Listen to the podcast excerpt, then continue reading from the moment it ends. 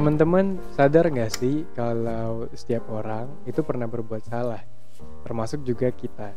Dan bukankah dari kita kecil kita udah diajarkan ketika orang lain berbuat salah ke kita kita harus memaafkan orang tersebut?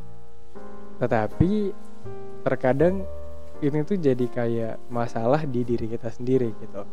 Kita tuh orangnya jadi lebih mudah memaafkan tapi sulit untuk melupakan kesalahannya dan kamu tim yang mana? Kamu itu tim yang mudah memaafkan kesalahan orang atau justru kamu tuh sulit memaafkan dan bahkan bisa sampai dendam?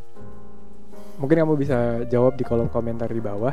Oh ya kalau misalnya kamu nonton di YouTube itu bisa di komen tapi kalau kamu dari Spotify atau Apple Podcast ya didengerin aja kali ya.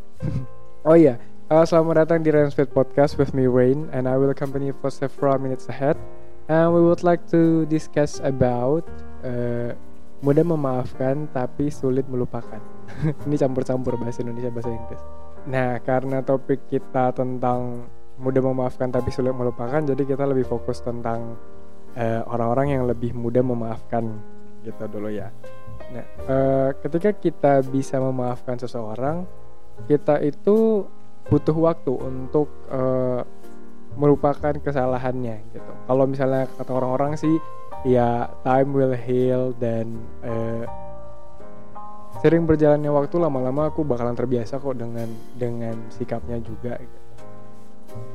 Tapi yang perlu diketahui adalah konsep memaafkan dan melupakan di sini itu ada sedikit clashnya gitu karena bisa jadi kamu sudah memaafkan kesalahannya tapi uh, ketika kamu bertemu dengan orangnya ya belum tentu kamu bisa enjoy dulu belum tentu kamu bisa se sebahagia dulu gitu bertemu dengan dia. Dan malah kamu mah kayak apaan sih? Ini orang kok ada di sini gitu. Jadi ya rasa marahnya itu masih ada tapi udah dimaafin gitu. Ya you know you know you know what I mean lah ya. Dan biasanya itu ketika kita memaafkan orang ini kita tahu kita nggak mau hubungan kita tuh retak dengan dia. Kita mau ya jangan jangan berpisah gitu. Tapi mau gimana? Ya dia kan udah ngelakuin kesalahan. Jadi ya udah biarin aja dulu kayak gini gitu.